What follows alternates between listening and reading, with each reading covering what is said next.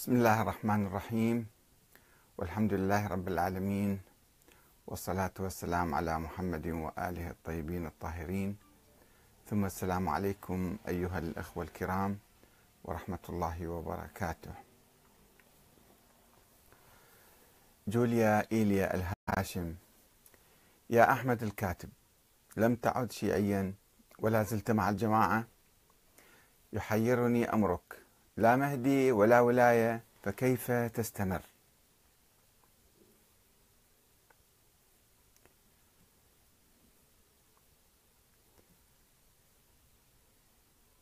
جوليا إيليا الهاشم يا أحمد الكاتب. لم تعد شيعيا ولا زلت مع الجماعة. يحيرني, يحيرني أمرك. لا مهدي ولا ولاية فكيف تستمر؟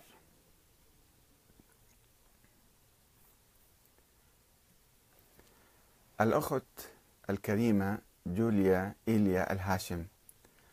آه، أخت آه، مسلمة يبدو كانت سابقا مسيحية من اسمها والله أعلم. لا أعرفها شخصيا. آه، وهي أخت مثقفة وثورية ومتحمسة للإسلام ومؤمنة يبدو بخط ولاية الفقيه وحزب الله. كتبت لي عدة عدة رسائل. تسألني فيها عن بعض الأمور المرتبكة أو الملتبسة لديها.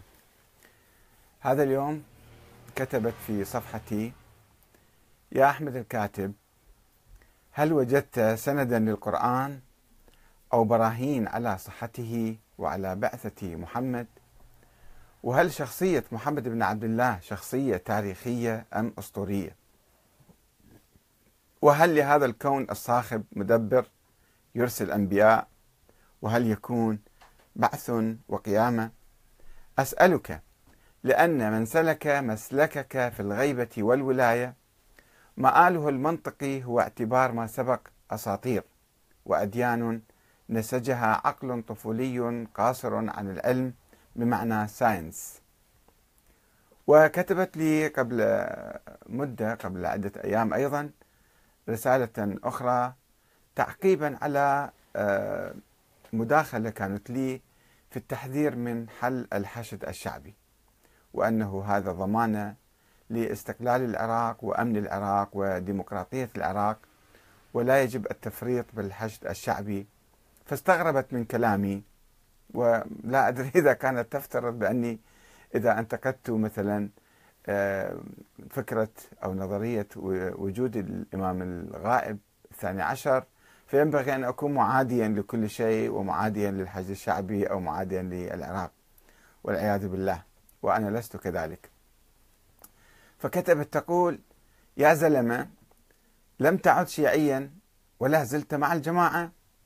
يحيرني أمرك لا مهدي ولا ولاية ولعله لا قرآن ولا رسول. فكيف تستمر؟ وأجبتها عن آه هذا السؤال الأخير. سابقا ولكني أود قبل ذلك أن آه، آه، أجيبها على سؤال اليوم. هل وجدت سندا للقرآن أو براهين على صحته وعلى بعثة النبي محمد؟ وهل شخصية محمد ابن عبد الله شخصية تاريخية أم أسطورية؟ طبعا هي صعدت أكثر من ذلك وهل لهذا الكون الصاخب مدبر يرسل أنبياء وهل يكون بعث وقيامة أما عن وجود الله سبحانه وتعالى هذا المدبر الكون وخالق هذا الكون فهذا يعني أمر لا يرتبط بفكرة وجود المهدي سواء آمنا بالمهدي أو لم نؤمن به. هناك الأمة الإسلامية والمسيحيون واليهود وغير المسلمين واليهود والنصارى من الربوبيين. والأديان الأخرى الذين يؤمنون بوجود خالق مدبر عظيم آه، ومدير لهذا الكون. فليس بالضرورة إذا رفضنا فكرة معينة جزئية وأمثالها كثير. أمثالها كثير. فلا يعني أنه سوف نكفر بالله تعالى. هذا الكلام ما في ترابط بين الأمرين الشيء الثاني أنه آه، هذا إذا إحنا رفضنا آه، حسب التحليل العلمي فكرة أو فرضية وجود الإمام الثاني عشر. قلنا أنها فرضية افترضها بعض العلماء في القرن الثالث الهجري. خلافا لكل الأدلة والبراهين الشرعية والتاريخية والعلمية. لا يعني أن نرفض نبوة النبي محمد صلى الله وسلم عليه. ونعرف نبوة النبي محمد من خلال القرآن الكريم. القرآن هو معجزته الخالدة. القرآن الكريم يتحدث عن معاجز الأنبياء وعن مطالبة كفار قريش للنبي محمد أن يأتي بمعجزة أو بمعاجز يثبت فيها نبوته. وكان هذا موضوع سؤال طبيعي ومعقول جدا. ولكن النبي قال لهم إن معجزتي الخالدة هي القرآن الكريم فأتوا بمثله. ائتوا بعشر سور ائتوا بسورة مثل هذا القرآن وأتحداهم صار 1400 سنة. يتحدى كل العالم أن يأتوا بمثل هذا القرآن. فلذلك نحن آمنا بالنبي محمد وآمنا برسالته وأنه نبي وما يقول هذا النبي من بعث وآخرة وحساب وكتاب وجنة ونار. فكل هذه مترابطة ومبنية على والاعتقاد بوجود الله تعالى وبنبوة النبي محمد. هذه مسائل ليست تقليدية يعني لا يجوز أن أحد يقلد فيها. إنما يعرف الله بالعقل وعندما يتأمل ويفكر بالخلق المستمر للحياة يكتشف أو يعرف ويدرك وجود الله تعالى. ثم الأنبياء يدرك وجودهم من خلال والنبي محمد بالذات من خلال القرآن الكريم. فهذا ما في ترابط. النبي محمد شخصية حقيقية ليست أسطورة ولا شخصية وهمية شخصية تاريخية. بمعنى أن كل الناس كل العالم سواء كانوا مسلمين أو مسيحيين أو يهود أو ملحدين أو بوذيين أو أي مذهب تجيبوه عندما يدرسون التاريخ يعرفون كان في شخص اسمه محمد بن عبد الله. هذا يسموه بالتاريخ. موجود. قال أنا نبي وقام بكذا انتقل من مكة إلى المدينة ونشر الإسلام و وتاريخ النبي كله عندما يقرأ. كل واحد يعرف أن هذا مو شخصية مختلقة. ما في مقارنة بين وجود النبي محمد صلوات الله وسلامه عليه وبين شخص لم يره أحد. أبوه المفترض قال أنا ما عندي ولد. أهل بيته قالوا لا نعرف هذا الولد. توفي الحسن العسكري عن دون ولد. عن دون ولد ظاهر على الأقل. إنما ادعى بعض الأشخاص وجوده في السر. وقالوا نحن رأيناه والتقينا به وأخذنا وكالة من عنده وإحنا نوابه ونشوفه ونلتقي به.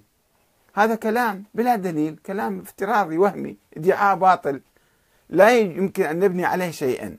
فإذا إحنا إجينا درسنا هذه الحالة أو هذه الحكاية حسب المنطق العقلي والقرآني والتاريخي فرأينا أنه هذه مجرد ادعاء لم يثبت ابدا من قديم ولا الآن. وفي قصة مشت والناس قاموا يصدقوها. فلماذا نربط الأمور ببعض؟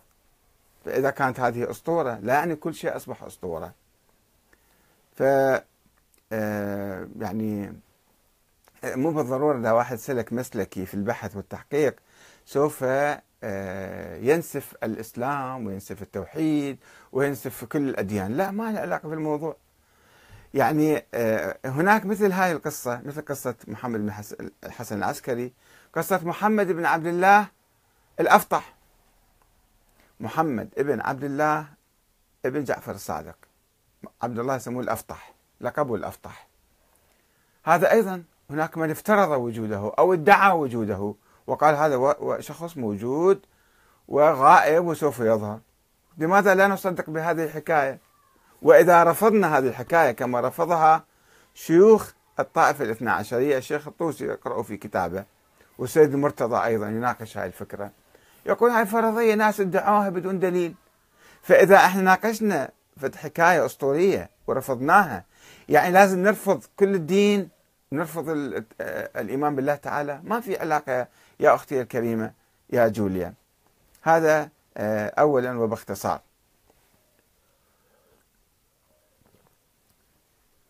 نأتي على سؤالها الآخر السابق التي قالت فيه أنت يعني أنكرت المهدي والولاية وكذا وشلون كيف تف يعني لا زلت مع الجماعة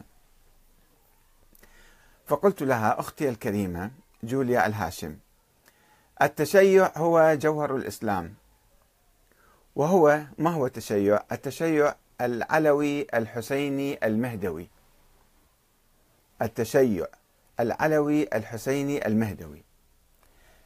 أي تشيع؟ تشيع هذه المفاهيم وهذه المبادئ. تشيع كون على الظالم خصما وللمظلوم عونا هاي كلمة الإمام علي عليه السلام. وهيهات من الذلة كلمة الإمام الحسين. وإن لم يكن لكم دين فكونوا أحرارا في دنياكم. أيضا من كلمات الإمام الحسين في كربلاء. وأيضا المهدي يملأ الأرض قسطا وعدلا بعدما ملئت ظلما وجورا. هذا المبدأ. هاي خلاصة فكرة المهدي. أنه الإمام المهدي أو الحركة المهدوية هي التي تملأ الأرض قسطا وعدلا بعد أن تملأ ظلما وجورا. والتشيع جوهر وقشور وأطر واجتهادات عديدة. والمهدي لدى الشيعة الأوائل فكرة عامة غير مشخصنة بشخص معين وإنما هي حالة ضرورية لا بد من وجودها في كل زمان ومكان. ومن هنا فلا بد من تطبيق العدل والثورة ضد الظالمين والمستبدين والعمل من أجل نشر الحق والعدل والقسط في كل الأرض. وبما أن معركة الأمة واحدة من العراق إلى اليمن إلى لبنان إلى فلسطين فلا بد أن نحصن أمتنا وشعوبنا ولا بد من الإعداد للقوة في وجه التكفيريين والمستعمرين والصهاينة والظالمين. والحشد الشعبي مؤسسة عراقية شعبية وطنية تحافظ على الحرية والعدل والدستور والديمقراطية والنظام بصورة عامة. وأي ضربة للحشد هي ضربة للعراق ولحركة المقاومة الوطنية. وإذا اختلفت أو إذا كنت أختلف مع الثقافة الشيعية السائدة في بعض المفردات الظنية الاجتهادية الجزئية فإنما هو اختلاف شكلي وقشري. وأما في الجوهر فأنا مع التشيع العلوي الحسيني المهدوي ومع الشعب العراقي والحشد الشعبي. فعادت الأخت جوليا لكي تقول لا يقوم التشيع الاثنى عشري الثوري كما تريده إلا بالولاء لصاحب الزمان عجل الله فرجه. إن تنكره ينتهي التشيع الاثنى عشري وتزهق روحه الرافضة. هكذا قالت هي تعتقد أن هناك ترابط بين التشيع الاثنى عشري وبين المهدي فإذا راح المهدي هذا المهدي محمد بن عبد الله فينتهي التشيع الاثنى عشري وقلت لها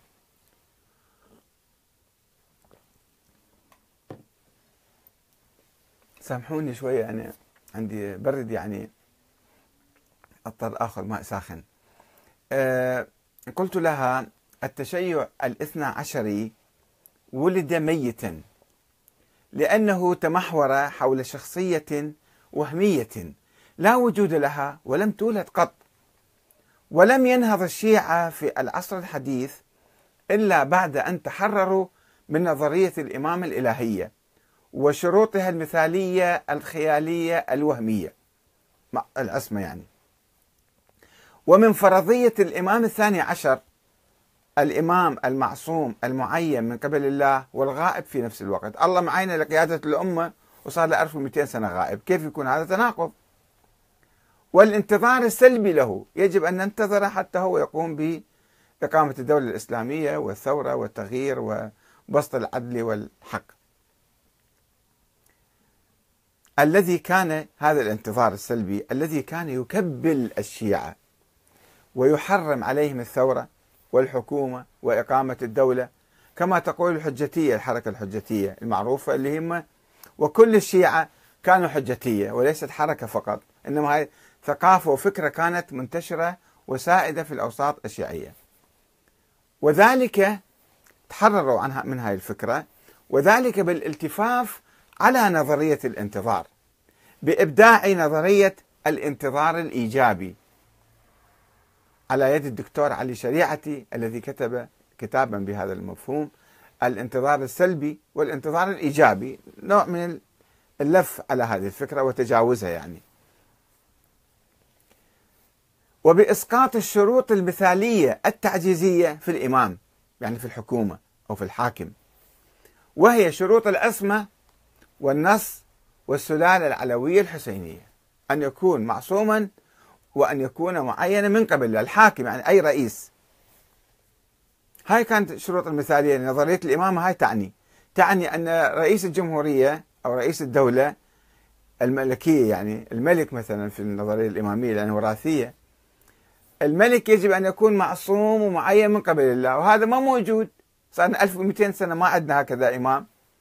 فشلت الحياة وتهمشنا وخرجنا من التاريخ. وفي مقابل هاي النظرية القديمة اللي هي مثالية وتعجيزية ما يمكن تطبيقها أبدا القبول بنظرية ولاية الفقيه. هاي النظرية الثورية خطوة للخروج والانقلاب والثورة على نظرية الإمامة. نظرية ولاية الفقيه هي ثورة على نظرية الإمامة. أو أو فكرة الشورى عموما الحكم بالشورى. أه والحكم الدستوري الديمقراطي الجمهوري. هذا أيضا فكر جديد قائم على الشورى وعلى الانتخاب وهذا كله كان يرفضه الفكر الإمامي القديم.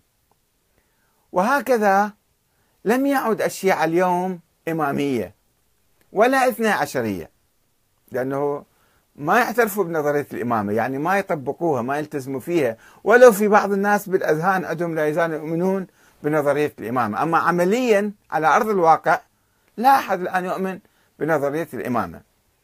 ولا بالإثنى عشرية الثاني عشر الغائب اللي يجب أن ننتظره وإنما أصبحوا إذا فالشيعة الآن ما هم ما ما هي هويتهم وحقيقتهم وإنما أصبحوا شيعة جعفرية.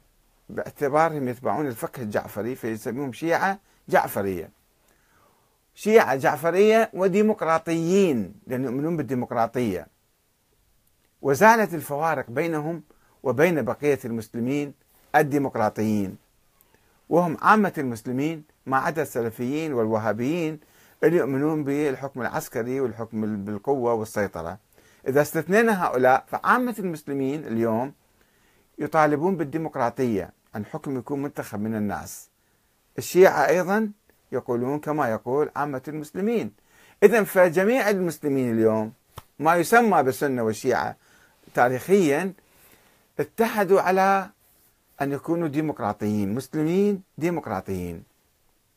فما في مشكلة إذن في موضوع الترابط أنه يجب التشيع الاثنى عشري التشيع الاثنى عشري انتهى انقرض وباد الآن يوجد بقايا تشيع بقايا مفاهيم حب وولاء لأهل البيت ولكن كنظرية سياسية لا يمكن تطبيق هاي النظرية وهي غير موجودة أساسا. مو من الآن منذ 1200 سنة ما موجودة. والولاء لصاحب الزمان كيف يكون يعني؟ كيف يكون واحد يوالي صاحب الزمان اليوم. هو موجود حتى نوالي الولاء يعني الالتفاف حوله واتباع قيادته. وهذا ما موجود حتى إحنا نتبع ونتبع قيادته. أن تؤمن به فقط ثم ماذا تؤمن به يعني؟ تؤمن به كواحد من الملائكة واحد من الجن أو واحد من الأشياء الوهمية؟ كيف يعني؟ إن تنكره ينتهي الاثنى عشري التشيع الاثنى عشري هو ما موجود التشيع الاثنى عشري انتهى. فقط الاسم باقي ماله. هاي حقيقة يجب أن ندركها جيدا. التشيع الاثنى عشري ما موجود هذا. موجود حب ولاء لأهل البيت وفي شيعة جعفرية وديمقراطيين. الآن الشيعة كلهم سواء في إيران أو في العراق أو في لبنان أو باكستان أو أو تركيا أو أفغانستان أو أي مكان آخر يؤمنون بالأنظمة الديمقراطية. فإذا أصبحوا ديمقراطيين والديمقراطية مية بالمية تختلف مع نظام الإمامة. والاثنى عشرية وما إلى ذلك. هنا تدخل أحد الأخوة وقال محمد علي اسمه قال اللهم اجعلنا من الممهدين لصاحب الزمان ومن المنتظرين. منتظرين والله يحب المنتظرين. فقلت له اللهم اجعلني للمتقين إماما واجعلني هاديا مهديا. أيضا هذا كل إنسان لازم يدعو بهذا الدعاء. وقلت وقلت له لا بد أن يصبح كل واحد منا مهديا. ويقوم بمكافحة الظلم والجور والاستعمار والاستبداد. ويحقق العدل الإلهي على الأرض اليوم اليوم وليس غدا. نحن بحاجة أن نكون مهدويين أو مهديين حتى نطبق العدل. لا أن نتكالب على الدنيا نتصارع على المال الحرام وندعي التشيع أو ندعي الإسلام أو ندعي كذا. نحن بحاجة اليوم آه، لكي نطبق هذا المبدأ في أرضنا آه، في أرض الواقع. نكون مع عدل علي وثورة الحسين ومهدوية آه، الإمام المهدي الذي يجب أن إحنا نطبقه في حياتنا. مو ننتظر واحد يجي بعد ملايين السنين. ما يفيدنا وما ما, ما هي علاقتنا به. اليوم لازم يدخل في حياتنا. طبعا جرى حديث آخر في صفحات أخرى مع الأخت جوليا الهاشم آه، وإذا تصير فرصة أخرى ممكن يعني أنا أطرح ذلك النقاش المطول الذي جرى بيني وبينها. وأشكرها أشكر الأخت جوليا على تفضلها بطرح هاي الأسئلة. وبالحقيقة يمكن أنا الآن أجبت باختصار. يحتاج واحد يطلع بصورة مفصلة على أن هاي فكرة الثاني عشر أو المهدي مشخصا بهذا الشخص. هذه فكرة دخيلة على الفكر الشيعي. ما ما كان الشيعة يعرفوها. وتألفت بالقرن الثالث والرابع ثم ولدت الفرقة الاثنى عشرية. آه، وبحاجة إلى آه، دراسة نظرية الإمامة بدقة. آه، كنظرية في تلك الظروف نشأت والآن كيف يمكن إحنا يعني نتعامل معها. الآن إحنا أمام واقع جديد و عموم الشيعة الآن عموم مراجع الشيعة حتى يؤمنون بالشورى وبالنظام الديمقراطي. هسه واحد يقول يعني مثلا الرئيس يكون رجل مثلا آه، طيب وملتزم بالقانون ومدير وكفوء ومخلص وواحد يقول لا لازم يكون عنده علم إسلامي عنده علم شرعي أو يكون أعلم أو يكون عنده مثلا العدالة الدقيقة اللي تشترط في المراجع مثلا. فيسموه ولاية الفقيه. ولكن هذه الولاية حتى في إيران الولاية ولاية الفقيه أو القائد لا تأتي من النيابة العامة عن الإمام الغائب إنما تأتي من صناديق الاقتراع من مجلس الخبراء في إيران حسب الدستور. مجلس الخبراء 80 عضو ينتخبون القائد ورئيس الجمهورية ينتخب بصورة مباشرة من الشعب والبرلمان ينتخب من الشعب. فكل النظام قائم على الشورى والديمقراطية والانتخابات. فإذا هناك تطور جذري حاصل بالفكر الشيعي المعاصر يجب أن نلتفت له وأنا عندما أنتقد نظرية آه، أو فرضية وجود الإمام الثاني عشر لا أريد أن أحارب الشيعة أو أحارب التشيع أو أحارب إيران أو أحارب العراق بالعكس أنا أؤيد سياسة إيران في مقاومة آه، الاستبداد الشاهنشاهي وفي إقامة النظام الديمقراطي وفي مقاومة الاستعمار ومقاومة أمريكا ومقاومة الصهيونية مقاومة الأنظمة الرجعية ومكافحتها. هذا خطنا نحن ولدنا في هذا الخط. أنا ولدت في هذا الخط وكنت جزءا من هذا الخط. فلست بعيدا عنه ولست متنكرا ولا منقلبا ولا معاديا. إنما أرى أنه نظرية آه، وجود الثاني عشر يستغلها بعض الأشخاص بعض الشيوخ أو المراجع فيقولون نحن نواب الإمام المهدي ويكتسبون بذلك سلطة دينية عليا فوق الدستور وفوق الديمقراطية وفوق الشعب وفوق الانتخابات ويحرمون البعض بالحقيقة مع الأسف الشديد. يحرم حتى إقامة أي حزب إلا أن يأخذ إجازة من المرجع. يقول أنا المرجع. هو مشكوك في اجتهاده أساسا. مو معلوم هو مجتهد أو لا ويدعي الاجتهاد ويقول لا يجوز أحد أن يعمل في الساحة إلا أن يأخذ إجازة من عندي. نوع من الدكتاتورية الدينية عبر نظريات وهمية أو فرضيات على فرضيات فرضية النيابة العامة. منين جابوا هاي النظرية أن الفقيه نائب الإمام العام أو النائب الخاص؟ هو النائب الخاص ما ثبت ما ثبتت نيابته النواب الأربعة. أربع دجالين كانوا ادعوا النيابة عن شخص موهوم غير موجود وقالوا نحن وكلاؤه وإذا عندكم فلوس جيبوا لنا إياها. وبعدين صارت نيابة عامة بعد ذيك الفترة غيبة صغرى وغيبة كبرى ما يسمونها. هي أساسا لا في غيبة ولا محزنون لأن الشخص لم يولد أبدا ولا أي دليل شرعي ولا عقلي ولا تاريخي ولا أي شيء على ولادة هذا الإنسان. بل الاعتقاد بوجود الثاني عشر خلاف الدين خلاف الشرع خلاف أهل البيت خلاف كلام الصريح للإمام الحسن العسكري. فكيف تنسب ولد إلى إنسان هو ما عرف في حياته ولا ادعاه؟ هذا مو معقول. اعرضوا على أي قانوني على أي محامي على أي قاضي يسألوه هل يجوز أن نثبت ولد إلى في الإنسان هو ما ادعاه وبعد وفاته بسنوات تجي نقول هو كان عنده ولد وهذا ولد مثلا عنده شركة نعطيه شركة لهذا الإنسان أو هذا المال نعطيه أو هاي الزعامة والقيادة الدينية نعطيها إلى هذا الإنسان الذي لم يثبت وجوده. كلام غير معقول أبدا. كلام منافي للعقل منافي لقواعد الإسلام الأولية ومبادئ القانون الإسلامي.